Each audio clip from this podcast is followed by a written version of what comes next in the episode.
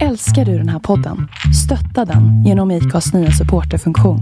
Det är helt upp till dig hur mycket du vill bidra med och det finns ingen bindningstid. Klicka på länken i poddbeskrivningen för att visa din uppskattning och stötta podden. Hej och välkomna till Svengelska podden med Emon och Love här från Brooklyn, New York. Podden där vi intervjuar spännande svenska personligheter som har tagit steget att flytta från Sverige till USA. Och så var det någon som frågade henne efteråt, liksom, ah, men var, var kommer du ifrån? Liksom, Where are you from? Och hennes svar, liksom, hon var I, I'm from everywhere, I'm a global person. Jag tyckte för mig var det fantastiskt.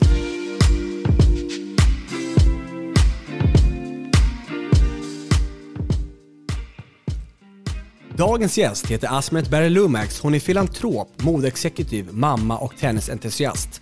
Hon har arbetat med varumärken såsom Y-Red, J. Lindeberg, Saturdays och en av hjärnorna bakom Justin Timberlakes klädvarumärke. Hon har praktiserat på skivbolag på en av världens exklusivaste adresser där klientlistan består av bland annat Whitney Houston, Alicia Keys och Bruce Springsteen. Asmet är den moderna varianten av den amerikanska drömmen där allt är möjligt om du jobbar hårt, går din egen väg och har hjärtat på rätt ställe. Veckovis fyller hon kylskåp med näringsrik mat med mottot “Ta vad du vill, lämna vad du kan”. Hon har även talat på UN Woman för sitt arbete med social rättvisa och är involverad i organisationen Phenomenal Girls Club som syftar till att skapa självförtroende och ledarskapsförmågor hos unga icke-vita tjejer. Förutom allt detta så har hon haft tid att springa New York Marathon, Boston och Chicago Marathon. Vi är riktigt peppade på att dela detta avsnitt med er. Enjoy!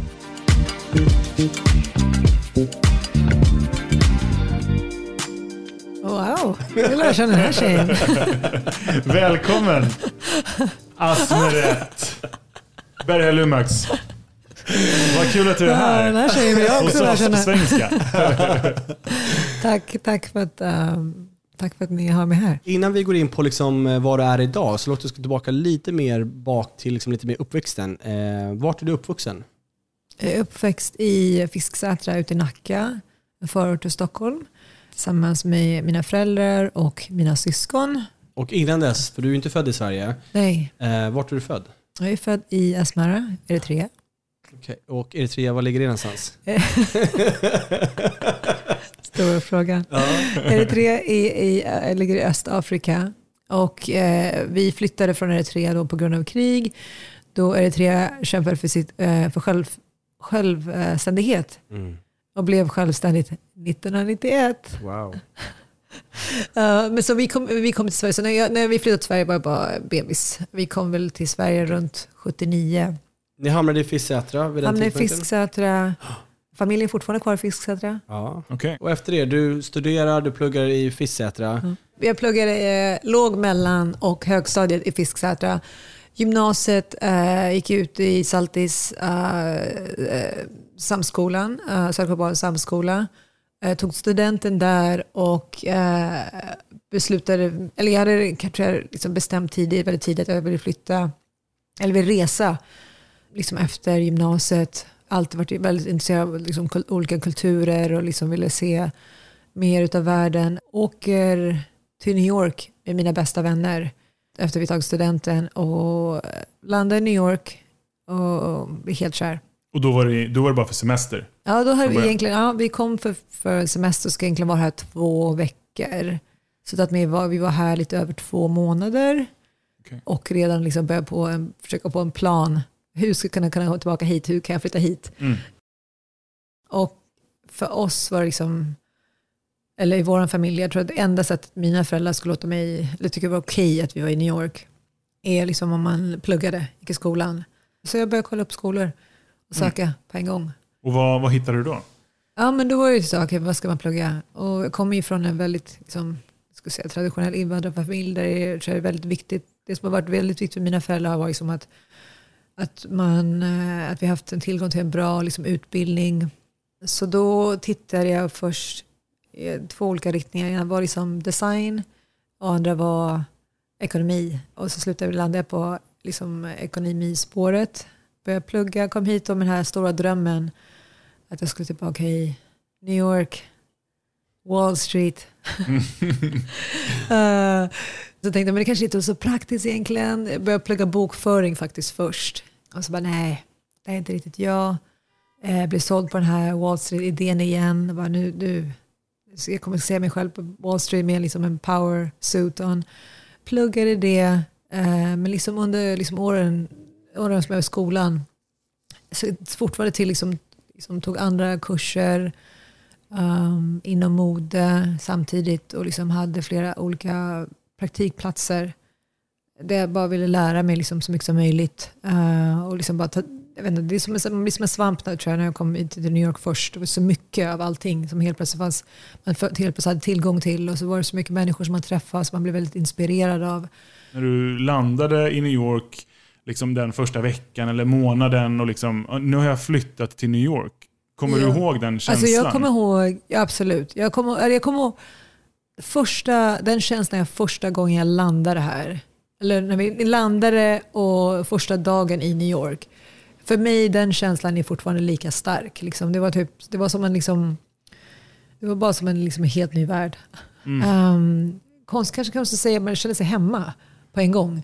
Och det var liksom första dagen, då ska vi egentligen bara varit här för två, veck på två, för två veckor. Um, känns overkligt. Vad var det som liksom, du kan sätta fingret på det, som fick dig att känna, här vill jag bo? Ja, jag tror att det är ehm, tillgången till kultur.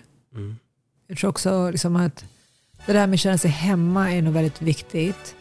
Det är som en puls. Det låter kanske låter väldigt kliché, men det är, liksom, det, det är en helt annan det är en helt annan rytm. Energi. I, liksom. Energi, precis. Ja. Energi här än vad liksom någon annan sa jag varit i.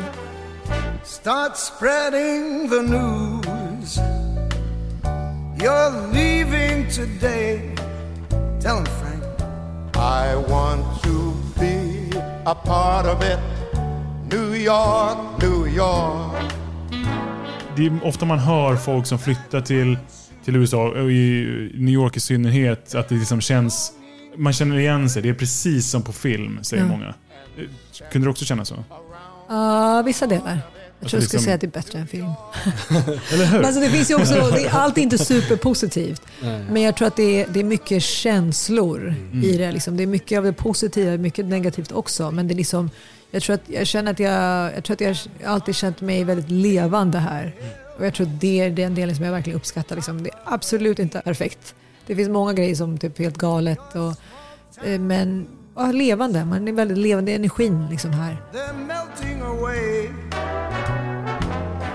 gonna make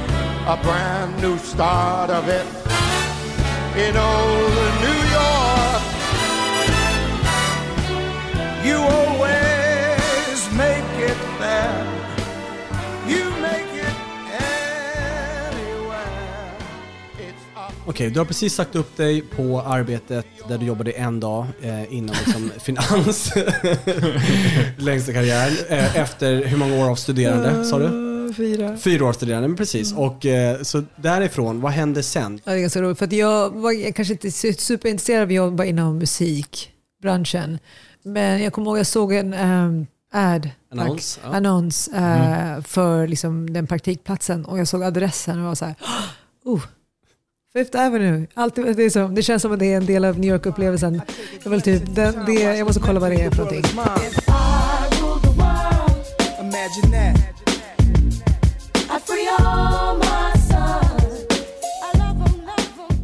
Och så sökte jag, sökte jag den här praktikplatsen då. För det var inom eh, uh, PR och kommunikation. Och blev inkallad, gick på intervju, kom till det här fantastiska kontoret precis på hörnet där av, vad är det, 50, jag tror det var 59th and 5th. Precis vid parken. Och bara, åh, det här är fantastiskt. Det här, vill jag, här, måste, det här, måste jag typ, det här, må, den här positionen måste jag nu få bara för att jag ska kunna jobba här. Så fick jag, den här, så fick jag praktiken då. Och det kändes som att jag, det, var, det var, skulle vara en del av min New York-upplevelse. Kan du, kan du inte namedroppa lite? Vilka typer av artister? Vilka jobbar du med där? Exakt, vilka, vilka artister, artister, som vi kan känna igen här i Sverige? Eller ja, inte här, men i då, det här var ju så pass länge, alltså det här var ju så pass länge sedan. Men um, vi jobbade med, det var när vi lanserade ju Alicia Keys, Alicia Keys, Busta Rhymes, vi gjorde mycket med Usher, för han var inte på skivbolaget, men han kom och gjorde, jobbade mycket med våra artister. Alltså de hade jättemånga, för det var, skivbolaget var J Records som var under Clive Davis. Under den tiden var det väldigt mycket som hände. Så det var kul, det var väldigt mm. det var rolig, good New York moment. Mm. Wow. Jag, jag, alltså att jag, jag sa upp mig då och tänkte att det här är inte det jag vill göra. Men jag tror att jag hade fortfarande så här ett inre kamp där jag kände att jag kan inte ha pluggat så här länge, pluggat finans i fyra år, sen liksom kasta bort det. Så först fick jag jobb då med, på Columbia University med deras uh, School of Architecture, Urban Planning. Och tänkte så här, men perfekt, det här är någonting intressant, nyttigt. Jag kan fortfarande använda min finance um, bakgrund. Det var jättelärorikt och intressant. Vi har liksom all, det, var, vi, det var under en teri, period då Harlem höll på att liksom byggas om. Så vi gjorde en massa projekt där eh, och liksom få vara med och liksom, liksom bestämma vad som behövs i liksom olika områden. Det var eh, jättelärorikt. Men sen så åkte jag hem. Jag åkte hem till Sverige över semester. Jag hade semester. Min moster var gravid och jag bara kom hem och kände att jag verkligen jag saknade familjen. Och tänkte att jag kanske behöver, då hade jag varit i New York nästan sex år, fem, sex år. Och kände liksom att ja, men det kanske är dags att liksom komma till, liksom, hem, vara med familjen. Mm. Beslutade mig för att flytta tillbaka. Hitta en yrkesutbildning för att bli inköpare. Också en ny grej för mig. För då tror jag att när jag hela kollat på mode har det varit väldigt för mycket från liksom design, liksom väldigt vis, liksom visuella. Jag har liksom inte riktigt tänkt på produktion och produktutveckling och liksom, eh, även sourcing. Um, så, det var, så tänkte jag men då söker jag det här. Söker den, eh, blir antagen och eh, börjar plugga. Så flyttade jag eh, flytta tillbaka till Sverige och började plugga. Liksom. Och då det var så det började. Det var egentligen då som jag liksom började liksom modespåret helt. Och jag tror min, min första grej var liksom var en praktikplats på J. Lindeberg. På deras produktionsavdelning. Mm. Okay. Men det var samtidigt jag var ju bara så himla, jag tyckte det var så himla kul, jag ville bara lära mig så mycket som möjligt. Så då jag var inom produktion men jag försökte hjälpa till på design och mönsterkonstruktion. Liksom våra merchandises, var, var jag än kunde hjälpa till så var jag där för att jag ville typ lära mig så mycket som möjligt. Mm. Så fort som möjligt. Hur var känslan då att vara liksom tillbaka i Sverige? Kändes det liksom, hade du helt glömt glömt New York eller fanns det hela tiden där? Saknade du USA? Uh, nej men jag, det var, jag tror jag saknade USA. Jag, tror inte, jag var inte riktigt 100% klar med New York. Utan jag tror att mer funderar på saker, men hur ser New York, det nästa stadie för mig. För jag tror att man går igenom liksom olika faser för mig och saker, hur ser nästa fas ut? Um, men så det var skönt att komma tillbaka, det var skönt att umgås med familjen. Och sen så var det så här, okej okay, men nu, jag har, liksom, jag har alltid tyckt det var intressant med mode tycker alltid det har varit intressant. Jag tror att det kanske för mig handlar väldigt mycket om att växa upp som invandrare i eh, Sverige och sen varit liksom olika, växt upp liksom i Fisksätra som är väldigt mångkulturellt och sen liksom plugga ut i Salti som inte är så mångkulturellt och sen liksom bott i New York. Så för mig var liksom det här med mode och liksom identitet, hur man skapar sin, e- liksom, sin identitet med kläder och liksom hur man kommunicerar har alltid varit jätteintressant.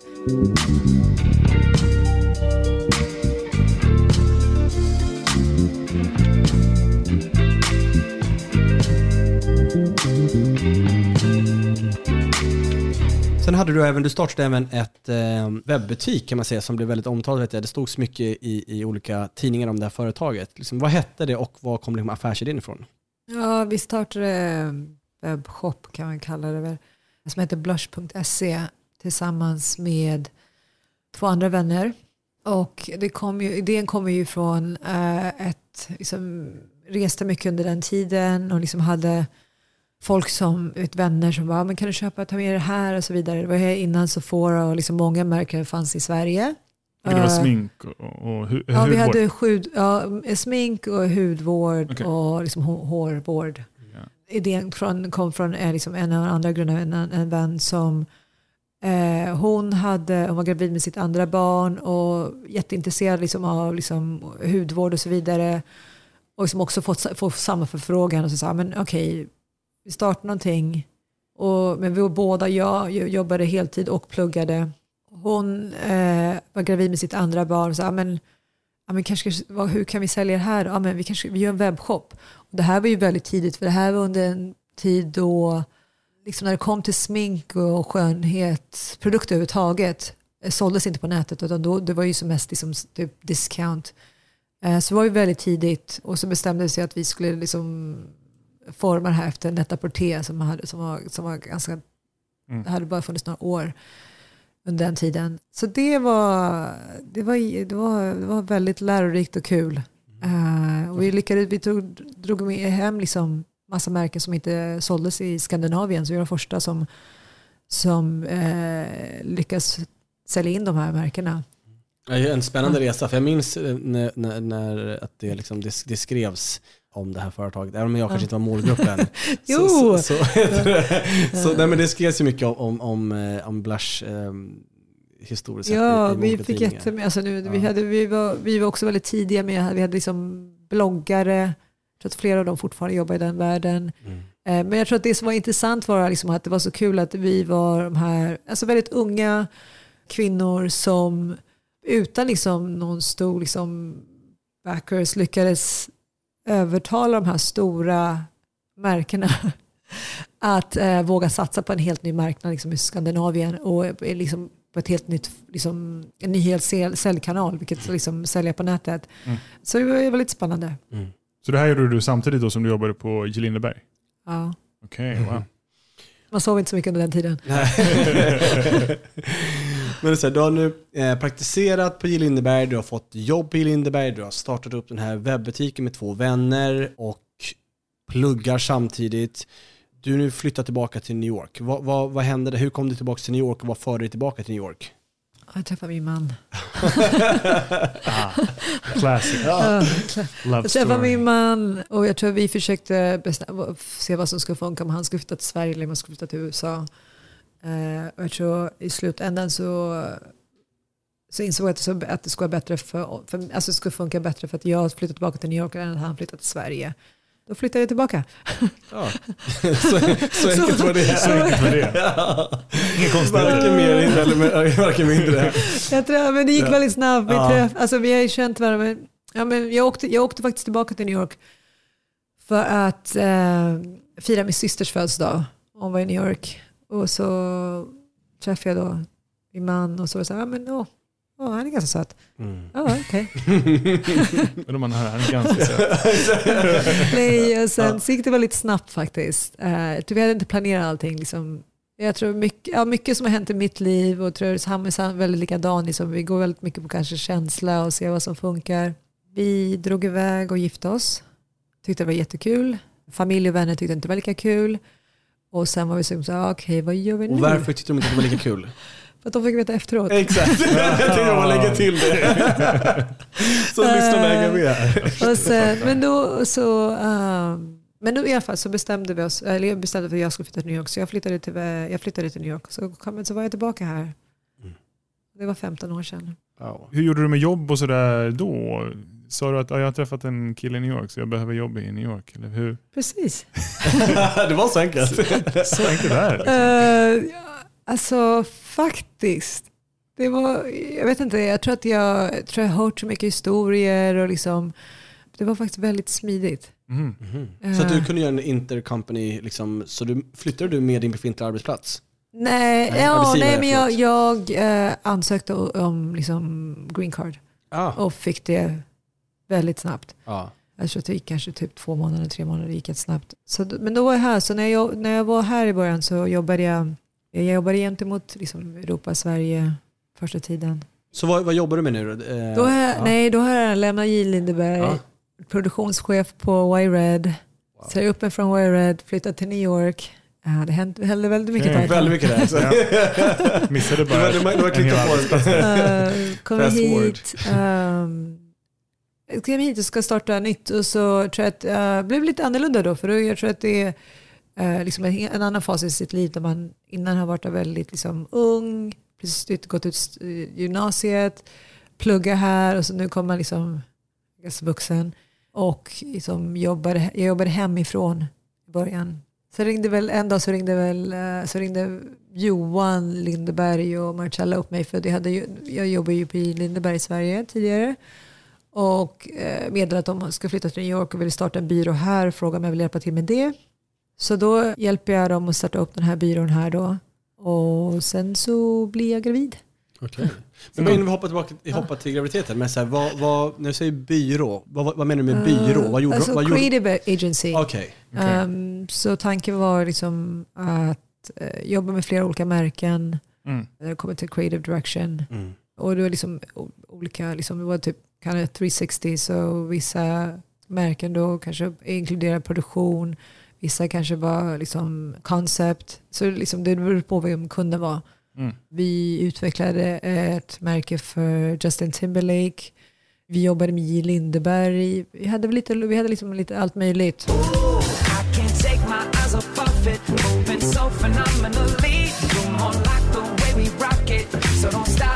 Ja, häftigt. Mm. Justin Timberlake-kollektion. Mm. Supercoolt. Så vad, vad, vad händer här nu? Nu är du... Um, du har blivit gravid. det är ditt första barn. Ja, men jag blev gravid. Uh, tror att planerade som ett, kanske som ett projekt. Bara, oh, gud, det här är som en som planerade nästan som en kollektion. Jag var, oh, okej, okay, du ska föda den datumet, sen ska jag vara hemma så många dagar och sen ska jag börja jobba det. Och så tror jag, och jag jobbade faktiskt fram till tror, två, två dagar innan jag födde till mig. Men sen så, så kommer då, så föder jag alltså vårt första, vårt första barn, AJ, vår dotter. Hon kommer och då inser jag på en gång, liksom, nej, men jag vill vara hemma. Jag vill vara, jag vill vara mammaledig. Mm. Jag kommer vilja, vara, vilja ta en del av det här barnets liv liksom, um, på en helt annat sätt än vi hade tänkt tidigare. Så då bestämmer jag för, liksom, för att jag ska vara hemma och vara mamma. Så det är nästa, nästa stora fas, för det var också en helt annan värld. Och jag, mm. jag kände inte, det var inga, liksom, några kvinnor i min umgängeskrets som hade barn faktiskt. Många liksom var väldigt kar karriärsdrivna. Liksom, jag tror att det, det, är en väldigt stor skillnad liksom, gentemot Sverige och här. är ju att många kvinnor uh, som liksom karriärsdrivna väljer att liksom ha barn. Jag tror jag hoppas det ändras lite nu, men var, väldigt många gånger har barn väldigt sent. Så det var också, jag fick faktiskt höra det till mig när jag var gravid. Och bara, Nej men är du säker? Liksom, det här är liksom mitt i liksom, du håller precis på att bygga upp din karriär, det här är mitt i det, liksom, du, du borde liksom vänta. Och liksom, det var, jag fick höra massor sådana kommentarer faktiskt. Eh, och det kommer vara väldigt svårt för dig att börja jobba sen efteråt. Du kommer allting behöva välja att liksom vara hemma. Det är svårt att liksom tjäna samma lön. Om man, och om man väljer att vara hemma och man sen väljer att gå tillbaka. Massa, så mycket sånt där som man kanske inte, jag hade inte tänkt på tidigare. Men för mig var det bara viktigt i och med att vi inte hade, någon, hade familj liksom i New York var det väldigt viktigt för mig att kunna vara hemma med min dotter liksom, och kunna ta del av det. Så var det en helt, helt ny, ny del av New York jag upptäckte också. Mm. Det var mamma ja, mamma det. Ja. Men hur, hur, hur, skulle du säga att det varit att, liksom, eh, att uppfostra barn i New York? Eh, och också om du kan ge det lite så här jämförelse mot att uppfostra barn i, i Sverige, vad du tror? Alltså jag tycker det är helt fantastiskt. Jag tror, att, eh, jag tror inte att det är den lättaste staden kanske att att fostra barn.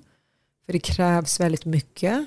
Men däremot så man har tillgång till så himla mycket också. Liksom. Jag tror att någonting som är väldigt viktigt för mig liksom, när det kommer till liksom, kultur, typ culture. Och när jag säger det, det handlar om liksom, att liksom, ha kolla liksom, på vår umgängeskrets. Vi har liksom, vänner som kommer från liksom, hela världen, olika liksom, industrier med olika intressen. Jag tycker det är liksom, helt fantastiskt. Jag tycker liksom, saker som jag bara kunde läsa om när jag var yngre, liksom att våra barn får liksom ta del av det. När det kommer till liksom utställningar, inte bara gå på en utställning men också träffa konstnärerna, liksom, gå på konsert men kunna, kunna träffa liksom, artisten. Liksom. Allt det där är liksom helt fantastiskt. Så det finns, jag tror att det är mycket svårare, det krävs mycket mer från en som är förälder.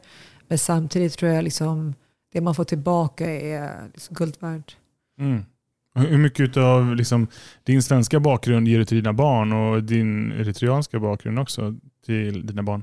Det var något, för det var, det var några år sedan, jag tror att uh, eh, AJ var kanske runt 6-7 år och så var det någon som frågade henne, vi var på en utställning och så var det någon som frågade henne efteråt, liksom, men var, var kommer du ifrån? Liksom, Where are you from?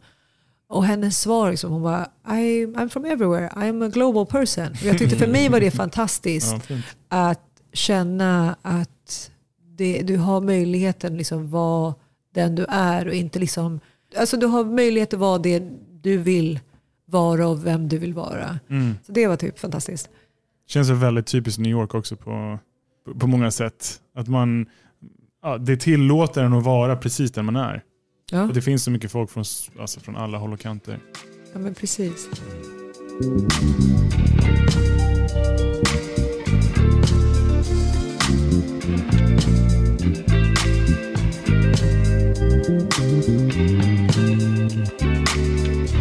En fantastisk sak som faktiskt skedde mitt i all den här misären under 2020 var att det var fler och fler kylskåp som placerades ut runt omkring i olika communities. Där vem som helst i samhället kunde fylla upp de här kylskåpen med näringsrik mat, matlådor. Då kan du antingen gå och köpa saker och fylla upp eller bara liksom, nu närmare slutdatumet med den här produkten, vi lägger det i kylskåpet så det inte kommer till waste. Och vem som helst i samhället kunde gå dit sen och plocka upp Eh, och ta det man behövde. Asmeret, kan inte du berätta lite mer om konceptet och idén bakom det hela? Det är en helt fantastisk idé eh, kring eh, att alla människor ska ha rätt till mat. Eh, och, eh, så det är i princip kylskåp som ställs ut på, på gatan och där vem som helst har tillgång till, eh, till dem. Oftast 24 timmar per dygn. Eh, och tanken är liksom att eh, vem som helst kan ta mat och så vem som helst kan lämna mat också. Eh, och då har, jag tycker det är helt fantastiskt det, för att jag har under år liksom jobbat mycket med food pantries och food banks och jag har varit liksom ganska frustrerad över att ehm, många gånger så, så kanske inte mat är det nyttigaste, Eller liksom, är också det här med att folk måste stå i kö, Eh, oftast många måste skriva in sig och det känns bara, liksom inte, det känns bara, det känns bara inte helt, helt rätt. Och jag tycker att det som är fantastiskt med de här kylskåpen är att det ger liksom folk en viss anonymitet och de har liksom möjlighet att liksom shoppa mat liksom gratis och ta det som liksom mat som funkar för dem. Eh, och liksom även ge en chans också att lämna mat. Så de här började liksom det här konce- eh, konceptet är också liksom att det inte ska vara att jag hjälper dig, utan det är liksom mer att vi hjälper varandra och liksom bjuder in liksom folk att vara en del av det här. Det börjar väl liksom, de har, väl, liksom, det har funnits ett tag, men jag tror liksom ordentligt liksom för, för ett år sedan så um, var det väl första kylskåpet i New York eh, som lades upp här ute i Brooklyn. Och jag fick höra, i, jag tror att det var någon gång kanske i april, då var det en kompis till mig som la upp ett kylskåp i Harlem. Jag tyckte det var liksom en helt fantastisk idé. För jag tänkte så här, alltså det är så mycket mat som produceras varje år. Det är jättemycket mat som kastas varje år. Och sen så har vi jättemånga människor, mer än någonsin nu, som, som går hungriga. Och det är många som kanske som går hungriga nu som äh, är inte är vana att be om hjälp, vet inte hur de ska be om hjälp, eller liksom skäms för att be om hjälp. Och det här tycker jag är en fantastisk lösning där liksom liksom behöver inte uppfinna något nytt. Alla, liksom, alla ingredienser för liksom, den här lösningen som finns framför oss. Så då har jag liksom varit med liksom underhålla flera av de här kylskåpen. Alltså, så idag finns det upp till 90 kylskåp Oh, wow. faktiskt i New York. wow. Det är helt fantastiskt. Så att det som är viktigt för mig då är att det som går in i kylskåpen är liksom att det är färsk och nyttig mat. För att det ser jag är ett av de största problemen idag är ju att eh, folk inte, inte bara har tillgång till mat men liksom inte har tillgång till nyttig mat. Och det tror jag att vi har vi sett väldigt mycket liksom under covid att anledningen till att många människor blir sjuka eller sen inte kan, liksom inte klarar, liksom inte, har, eh, inte kan tillfriskna är för att de har så dåliga immunsystem. Och det kommer ju från liksom att man ätit väldigt, äter väldigt dåligt här. Rent allmänt. Så mitt engagemang i det här är då att eh, se till att eh, vi får eh, matdonationer när det är liksom är hög kvalitet eh, och liksom näringsrik mat. Grymt. Vad heter det här eh, initiativet? ja, mitt initiativ är eh, One Love Community Fridge. One of my main goals when I placed this fridge here was that there was no stigma attached to it. So whether you're the flyest girl on the block or you're the person that might need the most financial help on the block, this fridge is for everybody. Vi fokuserar då på att hjälpa, liksom, stödja de olika liksom, grupper som, som har lagt upp kylskåp genom liksom, partnerships och sen eh, vårt nästa steg nu är då att lägga upp egna kylskåp som target specifically public schools. Att vi ska ge, för vi vill ge tillgång till liksom, familjer med unga barn eh, och se till att liksom, att de har tillgång till, att barnen har tillgång till liksom, färsk och nyttig mat. Mm. Vi fick ju faktiskt möjligheten inför det här poddavsnittet faktiskt följa med dig för några veckor sedan en hel kväll och Mm. det, är, det är tufft. Jag menar, vi, vi, vi bar ju in... Var det 15 säckar potatis? ja, eller alltså, och det var inte små var, säckar potatis. eh, vi hade 1200 pounds. I kilo? Och någon som är snabb. Ja, det är det är- 600 kilo mat. Ja, Den Ja, kan jag wow. inte göra.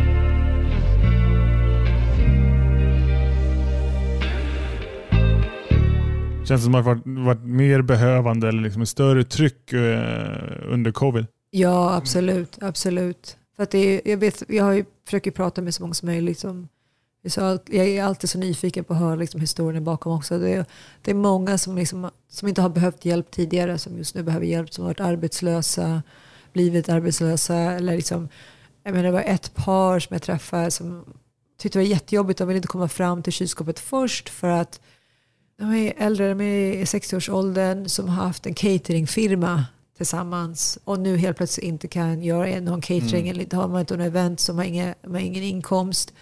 Så att jag menar, det slutade med att de stod och hjälpte mig med kylskåpet och sen liksom tog mat själva. Men, men de har också, de, de har liksom aldrig varit i den här situationen tidigare.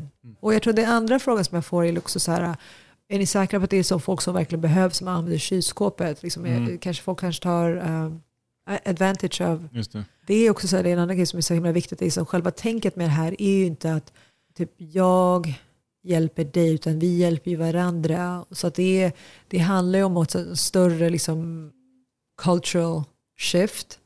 Där det, är så här, det finns ett överflöde av mat. Det borde inte finnas folk som är hungriga. Och vi borde kunna dela med oss. Mm. Så jag hoppas att det finns, det kommer upp ännu fler kylskåp.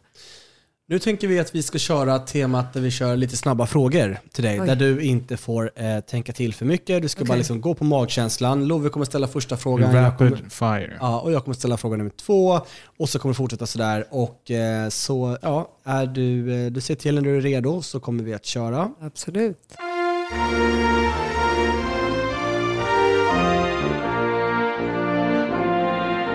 New York Times eller Dagens Nyheter? New York Times. Svenska eller amerikanska pannkakor? Svenska. Beyoncé eller Seinabo Sey? Svårt. säg Nabo, säg. Svensk sommar eller amerikansk sommar? Ja, amerikansk sommar. Eller, jo. Jo, jo, jo, tror jag. Sorry, jag fick inte tveka där egentligen. Ja, det är för kallt i Sverige. Eh, Volvo eller Ford? Volvo. Lakrits eller M&M's? Uff, lakrits, självklart. Uppklätt eller nerklätt? Ah. Vad jobbigt. Just nu ska jag säga uppklätt. Om du hade frågat mig förra året ska jag säga nerklätt. Jag är lite trött på att klä ner mig nu. Jag tycker det är jätteskönt. Det var jätteskönt. Om du frågade mig sex, sex månader sedan ska jag bara nerklätt. Men nu bara, åh, Det saknar det lite grann. Lite Jag, jag, lämnar över den sista faktiskt Love också, för det känns mer logiskt att han ställer den frågan. Uppercut eller vänsterkrok? Uppercut. Där kom den. Snyggt.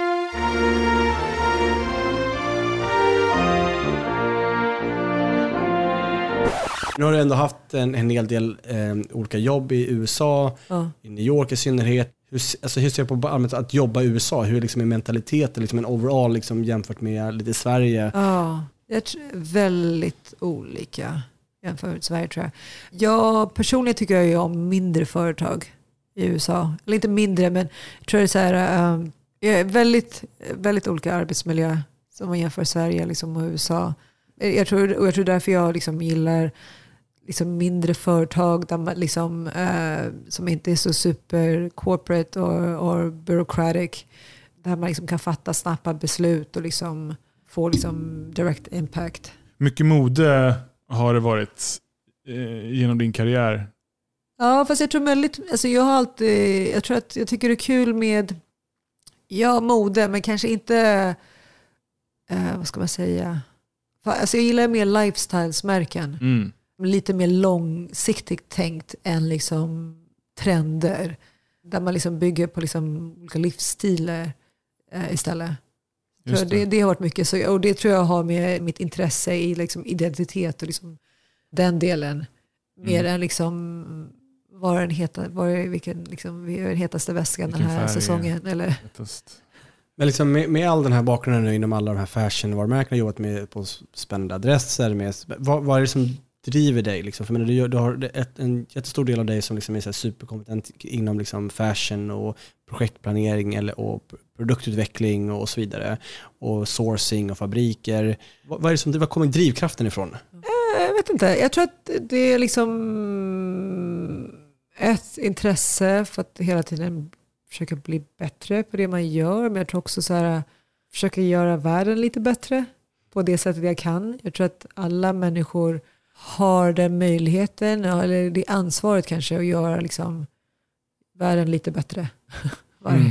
på, no, på olika sätt. Jag tror att jag känner mig väldigt, eller väldigt tacksam för alla liksom, möjligheter man har fått. Och jag, tror, jag vill jättegärna försöka använda det till att liksom, ge andra människor samma, liksom, mycket bättre, eh, liksom, ännu mer möjligheter än vad jag har haft. Jag tror väl det som driver mig, liksom, och viljan liksom, att alltid vilja, jag vill, det känns så mycket, så mycket som jag fortfarande inte har gjort, eh, fortfarande, massa som jag fortfarande har kvar att lära mig. Jag vill lämna världen lite bättre. Mm. Eller åtminstone försökt göra det jag kan göra för att få liksom, göra liksom vardagen och världen lite bättre.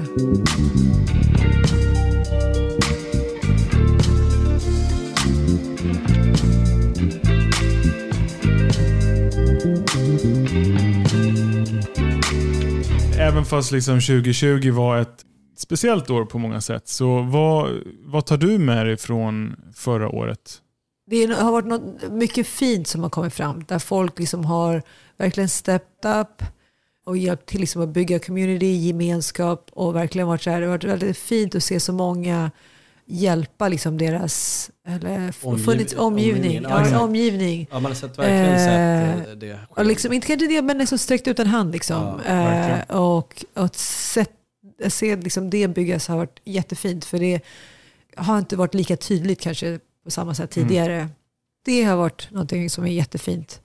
Och sen så faktiskt har det varit skönt att kunna, varit fint att vara, kunna spendera tid med familjen på ett helt annat sätt. Än vad vi, liksom, vi älskar ju som livet i New York och det är liksom i full fart och det är, liksom, det är en helt annan rytm. Men jag tror faktiskt det här första gången under alla de här 15 åren som vi har varit i New York så här länge hemma allihopa. eh, Just och, det. och verkligen liksom kunna spendera tid tillsammans. Så det är också faktiskt något som har varit väldigt fint. Mm. Ja, verkligen. Nej, men det, det har varit ett, ett, ett, det var ett år av reflektion. Man fick mycket tid för sig själv och Precis. man fick väldigt mycket olika Ja, saker. I alla fall för min del. Ja, men definitivt samma här. Jag började meditera första gången någonsin regelbundet eh, under 2020. Tack Oh. till, för, för 2020 för det. Men även liksom börja motionera, börja springa själv, sånt som jag verkligen tyckt, eh, jag, jag älskar ju inte att springa. Men, men du gillar ju springa. Alltså du springer lite maraton. Eh, Precis. ja, alltså hur många gånger har du sprungit New York Marathon?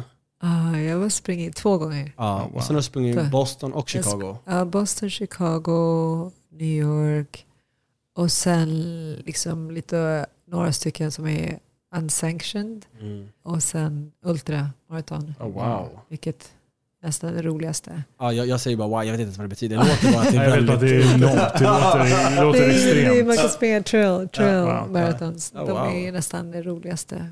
Vilket var det enklaste maratonet? Jag tror Quotes i luften. enklaste, jag tror faktiskt det var mitt första, vilket var Chicago. Aha. Var det bästa tiden också? Jag tror Boston var min bästa tid. Boston var min bästa tid. Okej. Ja, coolt. Nej, men det är verkligen, tror man ja. sett, nej, Just man har mycket, sett många människor också liksom motionera mer, röra på sig. Mm. Och, och, och, men förutom att du gillar att springa och, och brukar springa någon gång i veckan, vad liksom gör du eh, för annan typ av träningsform? Alltså just nu så äh, alltså, jag tror att spring, liksom, löpningen kommer alltid finnas där. Jag älskar verkligen det. det för mig är det en meditation. Eh, men nu har jag börjat träna kung fu i somras. Eh, och det har varit jättekul, uh, spännande. Jag tränade det, alltså, typ mellan jag tror 15 och 17 i som Stockholm. Och sen har jag liksom gått några år. Men nu så börjar jag träna i Fort Greene Park utomhus. Min eh, my master, han är eller, 80 år gammal. liksom startade sin första martial arts skola 1979. Och liksom, jag tror att det är min inspiration, att liksom att jag ska kunna göra samma sak som han när jag är i den åldern. Så vi, eh, förutom det, om det inte är eh, minusgrader eller eh, liksom ösregn så tränar vi i parken varje dag. Eller inte varje dag nu. Tre till fyra dagar i veckan. Ja, det, det, det, mer, Inte varje dag. många, mer än många andra. Nej, men det är ju verkligen, eh, det, träningen verkar ju vara väldigt viktig för dig. Är, är det liksom, du säger att det är nästan som meditation när du springer och löpning och så. så kan man säga att det är det som gör att du orkar med? Ditt liv är ju uppenbarligen eh, fyllt av eh, Ja, jobb träning, och familj och, och liksom allt möjligt. ja, men träningen är nog det som är viktigast.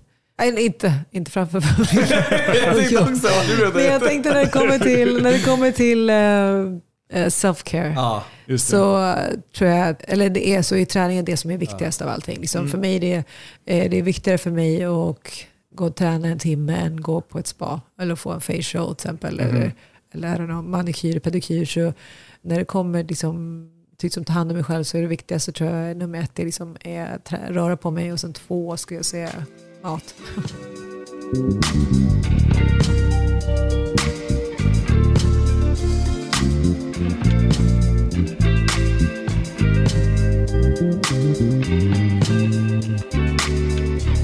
En annan fråga bara liksom, som vi undrar här är liksom, hur ser liksom, din vardag ut? Mm. Det kan se jätteannorlunda ut men det är väl det som är så fantastiskt med att ha alltså, varit här i New York, att jag har haft möjlighet att skapa min egen vardag. Alltså bygga en, e-, liksom en egen vardag som min egen, där jag känner mig obegränsad. Eh, så jag menar, exempel är liksom där jag liksom ena stunden kan leda ett projekt med en av världens främsta artister, Cardi B, till liksom andra stunden um, har liksom en, en god vän som öppnar upp ett helt museum för våra döttrar så att de kan se förhandsvisning av en, av en show och liksom få kunna utforska den på egen hand och liksom med egen tid till att liksom nästa stund sätta mig bakom ratten på en, liksom bakom ratten på en stor skåpbil och liksom kör ut ett halvt ton mat till olika kylskåp i Brooklyn till liksom att i slutändan av, slutet av dagen liksom hemma med barnen med disk och liksom laga mat. Och jag tror det leder till det fantastiska fantastiskt att jag känner att och sen är jag så vidare till som liksom jobbar med produktion i Afrika. Liksom aldrig känt, känt mig begränsad i liksom mina val eh, och kunna skapa min egen vardag. Och den är väl väldigt otraditionell. Så jag tror det är det som är fantastiskt som att vara här också. Mm. Nu 15 år senare, vad önskar du att du visste om för 15 år sedan som du känner till idag? Det är okej att sova. Ska jag? jag ska sova ännu mitt. Jag tror att jag ska säga att det är okej att gå sin egen väg. För jag tror att må, många grejer som jag har gjort har liksom inte varit liksom en traditionell väg. Liksom jag, kanske inte, om vi säger, kanske, jag går kanske inte från A, B, C utan jag kanske, kanske går liksom A till C till D till B. Uh, och, att, och ibland kan liksom bli stressad över det för att många gånger säger samhället till oss liksom att vi må, det finns vissa att göra ett sätt eller saker och ting på. Jag tror att eh, jag ska säga till mig själv att det är helt okej att liksom välja sin egen väg. Och sen tror jag, vad ska jag säga till mig själv mer? Jag vet inte, jag håller på att jobba, jag, jag tror att jag håller på att försöka jobba på det här med sova. Att sova lite mer. att sova lite Så, så är mer. bra. Ja, men om det, liksom, när brukar du gå upp på morgonen ungefär? Jag älskar att gå upp tidigt. Vad, Vad är tidigt? Alltså, det är lite olika. men När gick du upp i morse? Uh, alltså jag tror nu, naturligt så vaknar jag väl vid fem. Nu. Fem, fem, ja. Helt otroligt. Uh, ja, men jag älskar att gå upp tidigt. Okej. Ja. Sluta. Men för det är vi- lite tanken som du har förstått, liksom, det är Ja. att vi, vi har ju så många personer i Sverige som, som vi hoppas lyssna på den här podden som känner sig, ah, men jag kanske har en dröm om en dag flytta till USA Ja. eller någonstans annanstans i världen. Och, och genom att höra din insp- inspirerande resa så kanske det kan bli liksom startskottet till att så här, våga, ja men jag vågar, jag, jag, nu gör jag det här, nu, nu ska jag söka det jobbet eller au pair eller green card eller Ja. whatever. Gör det. Så liksom, exakt, do it, just do it. Jag skulle säga, ja, jag skulle säga Så har vi- absolut. ja. Jag skulle säga det, liksom, ta chansen. Ta Mm. chansen och gör det. Du kan alltid flytta tillbaka. Du kan alltid säga upp dig. Du kan alltid liksom eh, börja om. Du kan alltid liksom, eh, byta spår. Jag tror att det man inte kan göra är liksom, om du inte vågar så är det ju svårt. Alltså, du kommer du aldrig veta så- vad som kunde ha skett. Jag tror, det är, jag tror det är viktigt att våga prova på. Våga ta steget. Mm. Finns det någon svensk eh, personlighet här i, i New York eller i USA som du känner skulle vara intressant för oss att eh, prata med? Ja, jag tror att det finns flera personer faktiskt. Men eh, någon som jag tycker är jätteintressant är för att faktiskt, uh, jag vet inte ens vad hon heter i efternamn, men det är roligt för att vi har faktiskt stått och pratat med varandra i parken nästan varje dag i flera månader. Mm. eh, innan vi insåg inte ens att båda var från Sverige. Eh, hon är också från Stockholm. Och eh, så kom det, liksom, det var faktiskt min äldsta dotter som råkade höra henne på telefon en gång. Hon bara, men mamma jag tror att hon pratar, hon pratar svenska. jag bara, men är du från Sverige? Jag bara, ah, är du från Sverige? Ja. ja är du, jag är från Stockholm. Jag är också från Stockholm. Och det är en tjej som heter Malin och hon har varit här i sex år och här och jobbar. Jag tycker, jag tycker det är jätteintressant. Så jag tycker absolut ska intervjua henne. Ja, och vad, vad jobbar hon med? Malin från parken. Malin från parken. Hon, uh, hon har en egen byrå och är liksom, sköter allt, liksom, även allt digitalt på ett uh, Supreme som ett annat klädmärke. Mm. Vad spännande. Men alltså med det sagt så tror jag att vi vill säga tack så otroligt mycket för mm. att du tog dig tid och tusen, eh, gästa oss. Ja, tusen, tusen tack. Nej, men tack själva. Thank you so much. Ja. Okej, okay, that's a wrap. that's a wrap. Hej då!